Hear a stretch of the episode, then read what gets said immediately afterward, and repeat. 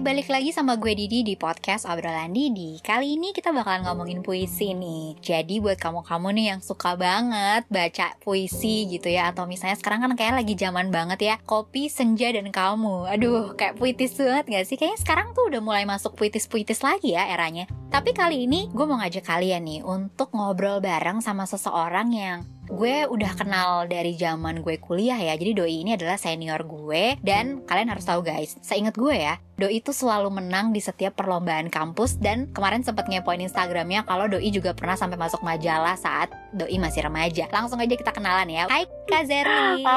Halo Didi, hai. Kak apa kabar? Baik, alhamdulillah. Kamu apa kabar? Alhamdulillah baik juga. Kak Zerlin lagi sibuk apa nih sekarang by the way? Eh, sibuknya masih sama mengurus suami dan anak sama nge-MC. Terus ya sambil nulis-nulis puisi juga tetap sih.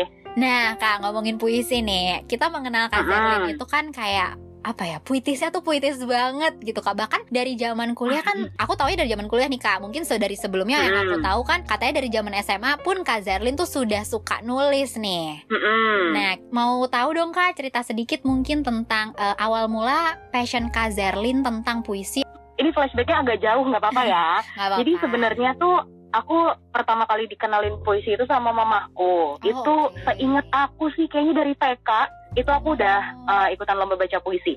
Jadi dari Oke. TK itu tiap tahunnya kan emang ada bulan bahasa ya, tiap bulan Oktober, peringatan bulan bahasa. Nah, di sekolah aku itu emang selalu ada lomba baca puisi. Dari TK sampai dengan SD itu aku selalu ikutan lomba baca puisi. oh Nah, waktu awal-awal ikutan lomba itu, itu jadi emang yang ngelatih langsung itu mamaku kan. Emang karena mamaku juga kecilnya dulu suka baca puisi. Jadi kalau misalnya dulu tuh lucunya, pas Iya. masih kecil di tag puisinya itu ada contekan. Jadi misalnya ada kata-kata yang matahariku misalnya, terus ada contekan tangannya ke atas gitu.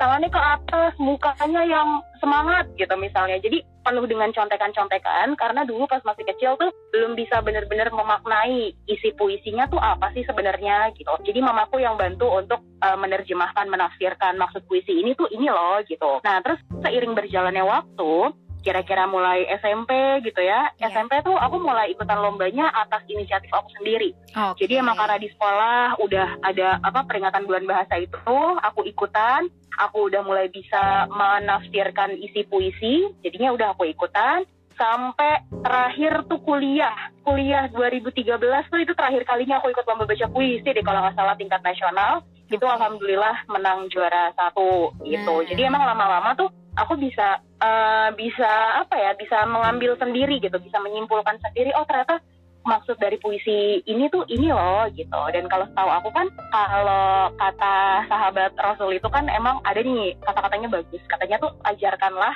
anakmu sastra karena ia mengubah anak yang pengecut menjadi pemberani aduh nah dari situ tuh aku ngerasa Iya. kayak wah kayaknya emang sastra gitu ya dalam hal ini puisi itu tuh jadi salah satu hal yang ketika kita sedih kita mungkin gak bisa ngutarain Iya. secara eksplisit gamblang terang-terangan kita bisa loh ngutarainnya lewat puisi. Atau ketika kita kecewa kita marah kita senang gitu. Jadi kita berani untuk mengekspresikan apa yang kita rasain gitu. Dan aku rasa apa ya salah satu kejujuran itu mulainya dari bisa dari dengan kita berani uh, menunjukkan apa yang kita rasakan gitu. Gitu deh sampai akhirnya kayaknya emang emang beneran gitu emang beneran suka nih. Puisi ini emang jadi sesuatu karena habit dari kecil. Ya. akhirnya sampai sekarang ya masih suka nulis puisi juga. Baca pu baca buku puisi pastinya juga masih terus aku lakuin gitu. Karena dengan puisi tuh lama-lama aku ngerasa kayaknya kepekaan kita tuh jadi lebih terasa deh. Iya. kalau misalnya kita biasa terbiasa mengungkapkan hal-hal yang implisit gitu ya jadi kayaknya kita tuh lebih bisa lebih bisa melihat dari kacamata orang lain gitu gitu sih makanya jadi nyaman banget sama puisi gitu ceritanya Berarti sebenarnya awal mulanya itu adalah yang mengenalkan ibunya Kak Zerlin ini ya. betul Oh, betul lucu banget. Berarti sampai sekarang ibu Kak Zerlin pun eh, juga masih suka baca-baca sajak-sajak gitu kak? enggak. Enggak udah enggak. Udah enggak. Emang ya kayaknya sih emang sekedar hobi aja gitu sih mamaku soalnya eh, apa ya maksudnya eh, jiwa seninya lumayan ada. Ya nari baca puisi terus nulis kaligrafi juga itu semua diturunin sama anaknya tapi kayaknya emang paling mencolok sih puisi gitu Oh oke, nah kak aku mau nanya juga nih di Instagram kan kak Zerlin nih bikin hashtag Zerlindapom ya kak. Mm-mm. Nah itu tuh awal mulanya eh, sebenarnya kontennya tuh mau ke mana sih kak tujuan kakak untuk bikin hashtag itu begitu? Iya, jadi maksudnya karena emang kebiasaan nulis uh, puisinya tuh emang udah dari kecil gitu ya, dari SMA, awalnya dari diary, sempat ngeblok juga gitu. Jadi kayaknya sayang deh nih kalau misalnya hilang begitu aja. Akhirnya aku kumpulin lah ke Instagram gitu dengan hashtag Zerlinda Pom itu. Oh oke. Gitu. Kak Sebenarnya sih ada niat terselubung, kali aja gitu kan ada yang mau membukukan gitu ya. Amin. Tapi emang belum amin. diseriusin, jadi kayaknya belum kelihatan sih jalan ke arah sana. Tapi sejauh ini emang ya udah nulis aja gitu. Tapi by the way, eh, ini intermezzo dikit ya kak. Aku tuh penggemar Zerlinda Pom loh kak. Hmm, terima kasih. Aku tuh pasti followers aku tuh udah tahu kalau aku tuh mengagumi Kak Zerlin karena aku tuh somehow tuh suka repost story kakak. Eh apa? Bukan. Oh. puisi kakak ke Insta Story. Tapi aku nggak berani mention karena aku kayak, aduh malu ah gitu. Malu kayak Ih, gak muncul. apa-apa, mention aja kali kenapa coba. tapi tapi tetap ada nama Kak Zerlin gitu loh jadi tetap itu bukan punya aku tetap Iya, ada iya. nama Kak Zerlin cuman yang ngeh itu teman-teman eh, kampus juga kak yang memang tahu Kak Zerlin kayak Mm. kayak pasti mereka react iya ya Kak Zerlin emang keren banget kalau bikin Oh. puisi parah gitu kan Terima kasih atas apresiasinya. keren lanjutin ya kak by the way Kak Zerlin ngomong Kak Zerlin Cus. kita ngomongin puisi lagi nih kak kalau menurut Mm. Kak Zerlin sendiri nih arti puisi untuk Kak Zerlin apa sih kak Puisi itu uh, sesuatu yang emang itu tadi sih melatih kepekaan sih. Hmm. Puisi itu sebenarnya bener-bener dekat loh sama kita. Kalau misalnya uh, let's say misalnya kayak penyair salah satu penyair favorit aku nih iya Wesley Johannes sama Theoresia Rumte. oke Itu tuh bahkan mereka aja bisa bikin puisi tuh dari lampu tidur, Oh, dari kaset kamar mandi, Oke. Dari hal-hal yang benar-benar deket sama diri kita gitu, dari lemari pakaian, dari hal-hal yang kayak ini kalau misalnya dibikinin puisi mau jadi apa gitu kata-katanya gitu. Tapi ternyata emang puisi tuh sedekat itu dengan dengan keseharian kita. Sebenarnya kan kalau aku pribadi sih em, apa ya memaknai puisi itu adalah gimana caranya kita tuh merangkai kata untuk sesuatu yang emang pengen kita gambarkan Oke. kan sebenarnya juga sebenarnya juga kalau sekarang kan yang lagi lagi uh, familiar banget gitu mungkin ya istilahnya kayak rumah gitu Iya. rumah tuh sekarang udah bukan udah bukan bangunan doang kan gitu orang tuh juga bisa kita sebut rumah gitu Iya. hal-hal iya, yang kayak gitu sih yang bikin kok kayak puisi tuh bener-bener bisa bikin sesuatu tuh jadi kontemplatif banget ya gitu mungkin mungkin dulu mikirnya ah rumah tuh apa sih ya udah bangunan Iya, aja gitu tapi iya. kalau sekarang tuh enggak rumah tuh orang tempat kita ngerasa pulang tempat kita ngerasa jadi diri sendiri kayak gitu. Gitu sih.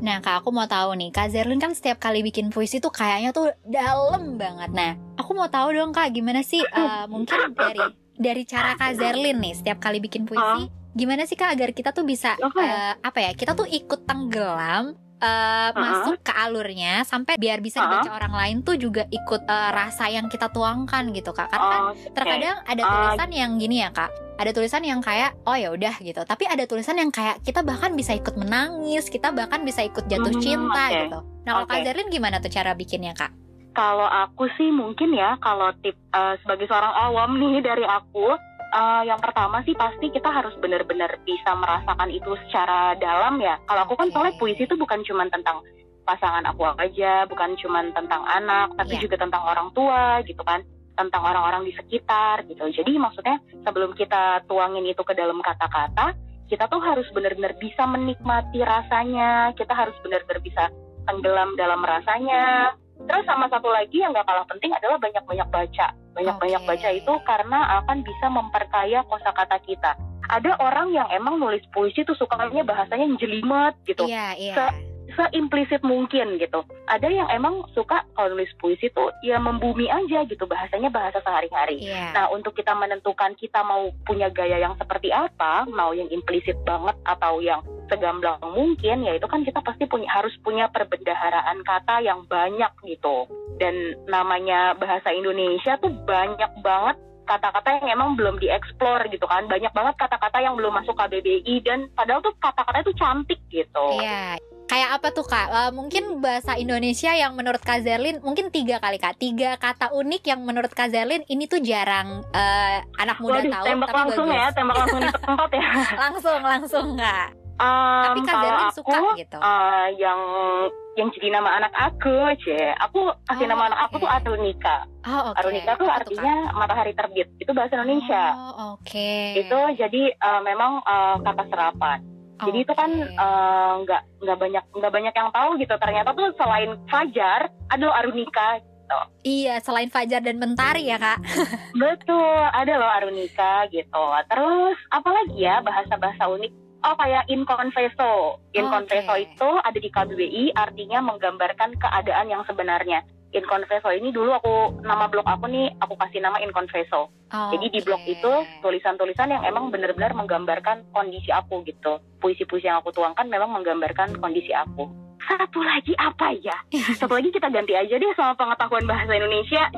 Boleh nggak? Boleh, boleh, boleh, boleh, Kak.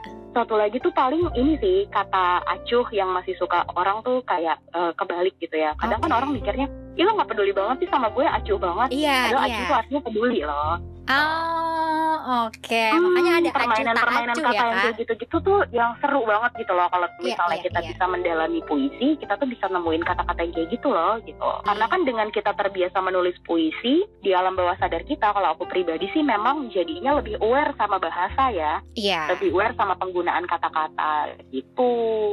Jadi memang mungkin kuncinya adalah banyak baca eh, apa namanya baca sajak, baca puisi dan mungkin sering-sering buka KBBI kali ya Kak. Karena kayaknya masih banyak kata-kata Indonesia yang masih belum eh, banyak digunakan gitu ya Kak. Tapi padahal artinya bagus-bagus. Oke. Jadi seru deh. Tadi kan Kak sempat mention nih ngomongin role model Kak. Aku yakin pasti Kak Zerlin tuh pertama kali tuh ada deh sosok yang Kak ngerasa, aduh kayaknya ini nih gaya gue dalam menulis nih. Nah, Kak tuh siapa nih pertama kali nulis role ya, modelnya? nulis ya. Aduh, kalau nulis tuh sebenarnya menye banget ya, karena mulainya kan dari SMA.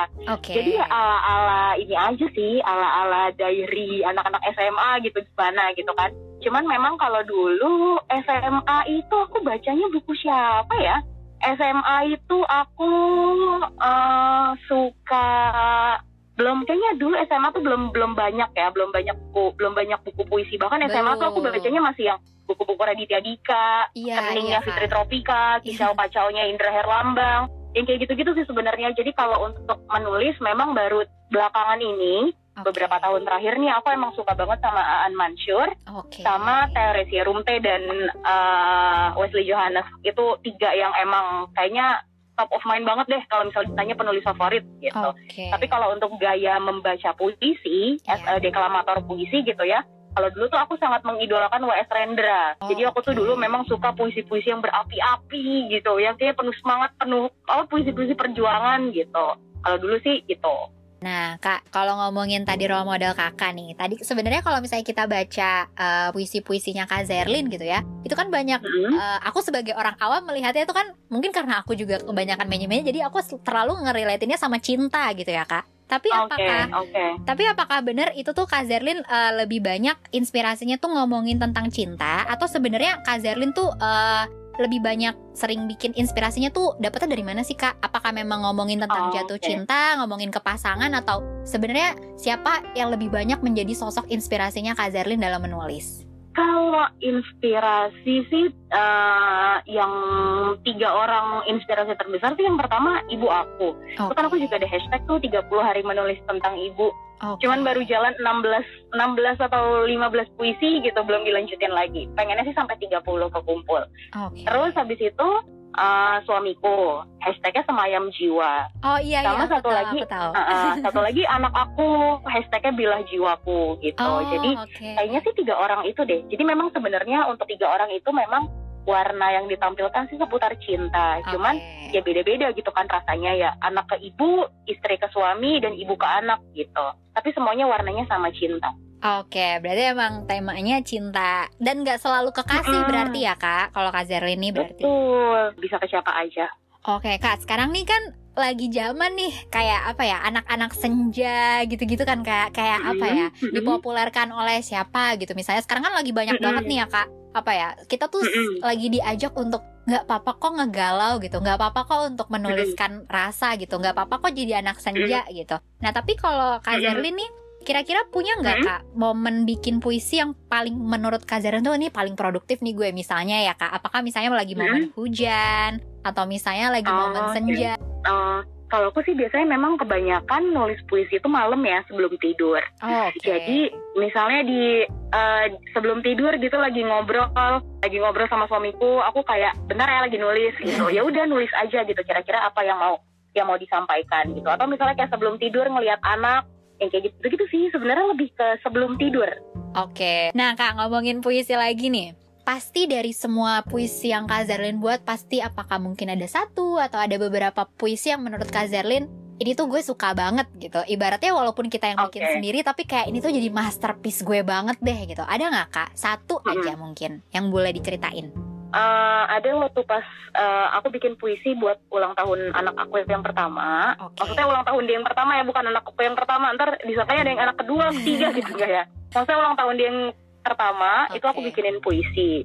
Jadi itu sih ceritanya lebih ke pesan untuk anak aku sih. Oke. Aku bilang eh, apa ya? Intinya sih sebenarnya jadilah eh, tumbuhlah secantik bunga sekuat baja gitu. Karena aku ngerasanya emang itu yang diajarin juga sama orang tua aku ke aku Oke. dan aku rasa itu baik juga untuk diteruskan ke anak aku gitu jadi uh, tumbuhlah menjadi secantik bunga sekuat baja soalnya hal-hal itu yang nanti akhirnya bikin ya bikin kamu tuh bisa punya warna gitu kan sebenarnya hidup tuh kayaknya kalau misalnya mau dirangkum ya kayaknya cuman dua nggak sih pilihannya lo mau diwarnain atau mewarnai Oke. kehidupan gitu kan Iya, iya, jadi iya. kayaknya sih kalau aku sih mikirnya eh, nggak salah, nggak ada yang salah dengan diwarnai sama hidup orang-orang gitu kan, turut turut membentuk warna diri kita gitu. Tapi berusahalah untuk bisa ngasih impact in a good way ya buat Iya. orang-orang di sekitar gitu. Jadi gimana caranya kita bisa punya impact, gimana caranya kita bisa menularkan warna kita ke orang-orang ya dengan kitanya harus punya warna yang solid dulu, harus punya warna yang tegas gitu. Gitu. Sweet banget. Bahkan sampai Kak Zerlin sudah memiliki anak pun jadinya anak jadi inspirasi ya Kak. Mungkin kalau misalnya Iya. Seorang penulis tuh gitu kali ya Kak. Mungkin jadi kayak dulu mungkin suami Kakak dulu nih zaman pacaran terus sampai punya anak, anak pun bisa jadi inspirasi. Betul. Mungkin nanti kalau aku udah tua cucu aku kali ya Benar, yang jadi inspirasi. Bisa, bisa. Kak, by the way ngomongin tentang eh, saat ini gitu ya Kak. Aku mau tahu dong pendapat Mm-mm. Kak Zerlin nih saat ini kan kita udah banyak banget nih akun-akun yang apa ya memunculkan kata-kata kayak it's okay not to be okay gitu kan Kak. Mm-mm. D- Padahal zaman dulu kan kayak ngegalau tuh adalah hal yang kayak apaan sih lo galau banget deh bikin-bikin tulisan kayak gitu Betul. gitu. Nah menurut Kak Mm-mm. Zerlin nih yang sebagai yang suka nulis gitu ya Kak.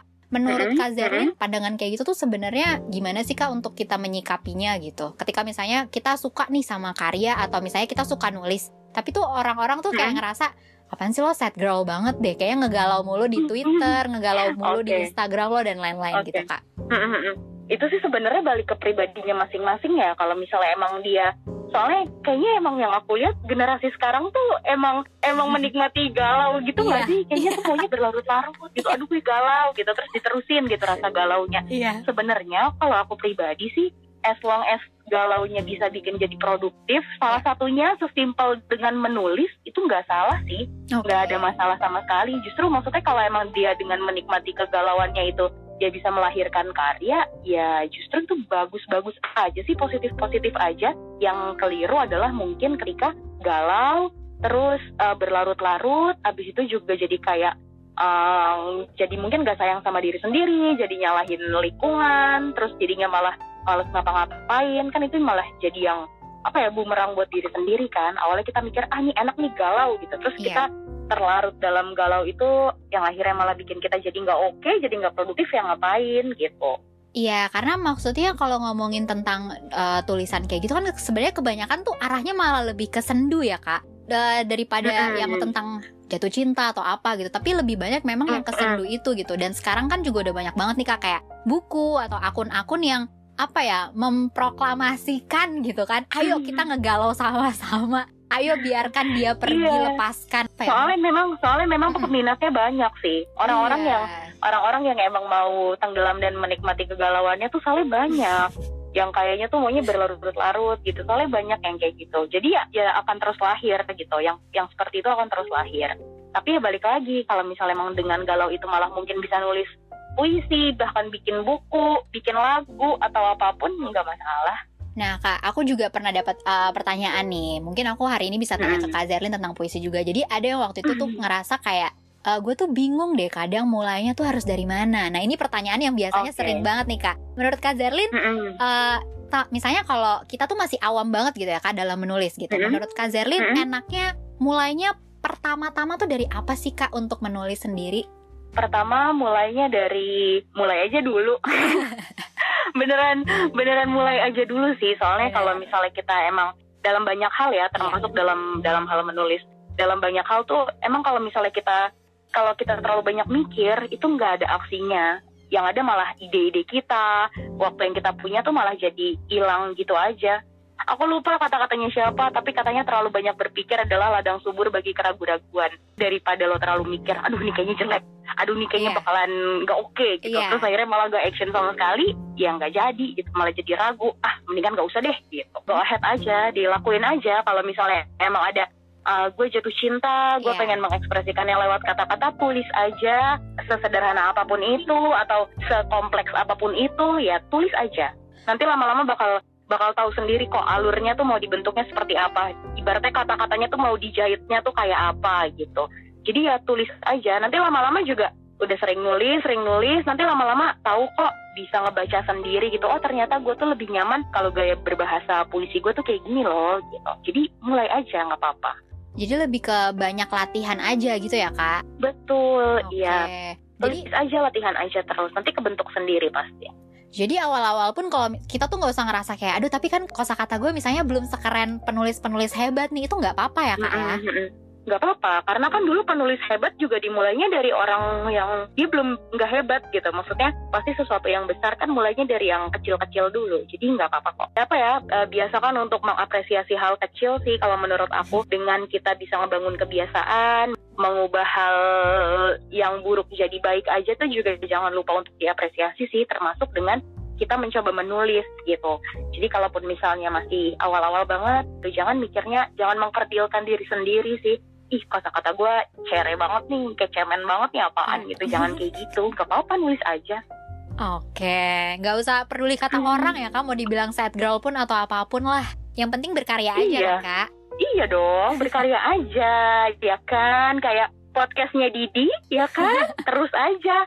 Posting, posting, posting, posting gitu kan. Pasti semuanya kayak gitu kok. Mulainya dengan, yang penting konsisten. Kalau misalnya kita apa banyak-banyak posting mungkin ada aja. Kita nggak pernah tahu siapa yang jadi pembaca kita.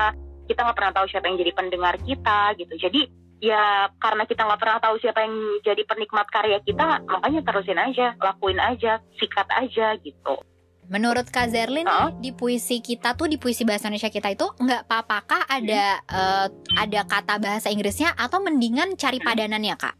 Nggak apa-apa sih sebenarnya karena kan kalau di dalam eh, teknik menulis puisi itu atau Ya. di dalam dunia puisi itu ada namanya istilah lisentia poetika Oke. Jadi lisentia poetika itu adalah kebebasan si penulis dalam menulis puisinya sendiri gitu. Jadi sebenarnya memang itu balik ke preferensi masing-masing eh, senyamannya aja mau mau kayak gimana gitu mau campur bahasa juga boleh Oh oke oke. gitu. Nah, jadi boleh silahkan nanti yang habis ini sudah mendengar terus mau memulai mulai aja inget tadi kata Kak Zerlin ya. By the way Kak Zerlin, Iya betul. kalau di obrolan Didi nih biasanya emang fokusnya kan kita ngomongin cinta nih. Jadi mungkin sebagai pertanyaan terakhir untuk Kak Zerlin. Oke. Kalau ngomongin puisi kan dulu tuh bertukar surat cinta yang isinya puisi tuh adalah hal manis saat zaman eh, malu-malu pacaran gitu ya kak. Dulu kan belum ada WhatsApp, belum ada Line yang kayak kesannya tuh gampang Mm-mm. gitu untuk ngehubungin Mm-mm. pasangan yang ibaratnya ngomong panjang-panjang dulu kan kayak zaman dulu pun mungkin zaman orang tua kita tuh apa ya mungkin bikin surat cinta aja tuh kayak malu gitu kan kak apalagi Iya bikin benar benar. bikin bikin puisi tuh adalah hal yang paling indah yang rasanya tuh pengen dipajang di kamar deh mungkin tapi kalau di zaman Iya. sekarang nih kak eh, apa ya Ah, zaman sekarang kan kayaknya yang apa-apa udah serba digital gitu ya kayak yang udah kayaknya orang udah minim buat nulis sesuatu gitu kan kak untuk nulis Mm-mm. emang secara maksudnya gini kak kata nulis aja sekarang kan udah bergeser ya kak kalau misalnya kita bilang hobi lo apa hobi gue nulis pasti kan jatuhnya jadi kayak bukan nulis yang memang pulpen dan kertas gitu kan Hmm, betul betul. Nah, Iya. menurut Kak Zerlin nih eh, gimana nih? Masih works nggak sih Kak untuk misalnya kita tuh masih nulis-nulis surat cinta gitu atau Oh, malah jatuhnya sekarang udah cringe Kak? Kalau misalnya kayak puisi-puisi kayak gitu. Oh, sebenarnya kan kita kalau misalnya present sesuatu ke pasangan itu kan balik lagi ke yang menerima ya. Ya. Kalau misalnya dia ngerasa itu hal yang wajar-wajar aja, berarti kan gak mengganggu dia. Oke. Tapi kalau misalnya dia ngerasa itu cringe, ya berarti kan ada baiknya kita mengikuti juga kan karena dia nggak suka. Oh ya udah gitu, maksudnya kita ngelakuin hal yang kita tahu pasangan kita nggak suka terus kita lakuin juga kan kayaknya nggak nggak baik gitu kan. Iya. Tapi kalau misalnya aku pribadi nih, meskipun suami aku kalau aku bikinin puisi nggak ngerti, tapi dia juga sebenarnya nggak keberatan gitu ya. Iya. Kalau misalnya aku aku bikinin puisi yang terinspirasi dari dia, ya nggak apa-apa terus dilakuin aja. Jadi sebenarnya cringe atau enggaknya tuh relatif sih ya, nggak bisa dipukul rata. Zaman-zaman tuker-tukeran puisi sekarang tuh cringe, tapi juga nggak bisa dipukul rata. Tukar-tukeran puisi itu jadi sesuatu yang keren atau Iya. kayak semua orang tuh membutuhkan itu juga nggak nggak bisa nggak bisa dipukul rata kayak gitu. Cuman kalau aku sih sebenarnya lebih menitik beratkan pada ketika kita nulis puisi itu eh buatlah apa yang kita tulis itu tuh nikmat dulu buat diri kita gitu loh Oke. sebelum kita berharap wah ini bagus nggak ya orang bakalan bakalan takjub nggak ya sama tulisan gue gitu kalau aku pribadi sih lebih ke nikmatin dulu sih kalau emang aku bisa menikmati puisi itu yang nggak masalah bodoh amat orang mau suka atau enggak aku nulis karena emang buat diri aku sendiri mengekspresikan apa yang aku rasain Nah. Tuh. Itu itu intinya banget tuh guys. Bodoh amat sama orang lain. Maksudnya dalam artian yang ini positive way gitu ya kak. Maksudnya Mm-mm. dalam artian ya yang penting gue nya suka dulu nih. Baru terserah abis itu Mm-mm. orang lain mau ngomong apa. Nah tapi kak kalau misalnya Betul. tadi ngomongin eh, suami kakak dulu nih waktu sebelum nikah. Pas jadi masih Mm-mm. pacar berarti kan kak Zerlin nih sering ngirim-ngirimin. Sering gak sih kak tipe yang maksud aku gini. Seorang penulis seperti kak Zerlin apakah sering memberikan eh, puisi-puisi cinta ke pacarnya waktu zaman dulu? Aku nggak nggak pernah ngasih ya nggak maksudnya nggak pernah ngasih langsung. Lebih Oke. ke ngekspresi ini di Instagram sih. Oh, karena kayaknya juga dia bukan tipe yang ngerti. Dia juga bukan maksudnya dia memang kalau disodorin puisi juga bingung ini apa? Maksudnya apa? gitu.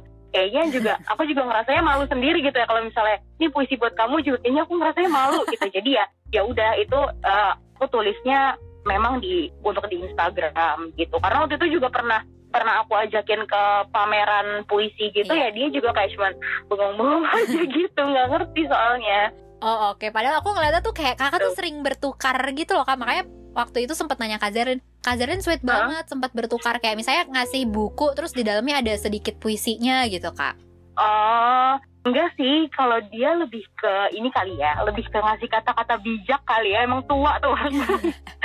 lebih ke ngasih kata-kata bijak gitu sih, bukan bukan puisi. Itu karena kita berdua sama-sama suka baca. Oke Jadi dia pun eh, perbendaharaan kata untuk eh, ya nulis satu kalimat dua kalimat adalah bisa, tapi bukan puisi Oke. juga sih sebenarnya bentuknya. Oke, nah kak, berarti maksud aku gini Yang pertanyaan aku adalah Berarti eh, menjalin hubungan sama seseorang yang eh, Apa ya, bisa dibilang puitis Puitis gitu ya kak Apakah harus melulu Hah? tentang memberikan dia puisi Atau enggak sih kak? Ya enggak juga sih. Eh ya senyamannya aja ya. Kalau misalnya kalau misalnya emang lagi moodnya eh, ngasih puisi, ya kasih. Syukur kalau orang yang ngerti. Kalau enggak, ya udah gitu kan. Tapi kalau misalnya emang sehari-hari ya, ya pakai bahasa sehari-hari aja. Soalnya aku juga kalau aku sama suamiku bener-bener yang kalau aku pribadi kan emang karena ngumpulin puisinya tuh di hashtag itu kan di Instagram yang semayam jiwa. Iya. Itu pun juga kebanyakan nggak lewat suamiku dulu. Jadi maksudnya paling dia lihat oh pas dia lihat Instagram gitu muncul puisi aku gitu. Tapi dia juga nggak yang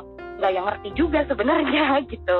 Ya udah tetap nulis nulis aja gitu. Kak, aku mau nanya preferensi seorang Kak Zerlin nih. Ini terlepas dari Kak Zerlin sekarang, eh, misalnya waktu kita kita flashback ke zaman Kak Zerlin masih muda deh. Waktu itu Kak Zerlin kan Mm-mm. emang udah suka puisi, emang sudah suka puisi nih. Nah, Kak Zerlin itu lebih prefer deket sama orang yang mungkin emang suka baca atau enggak pun nggak apa-apa gitu kak?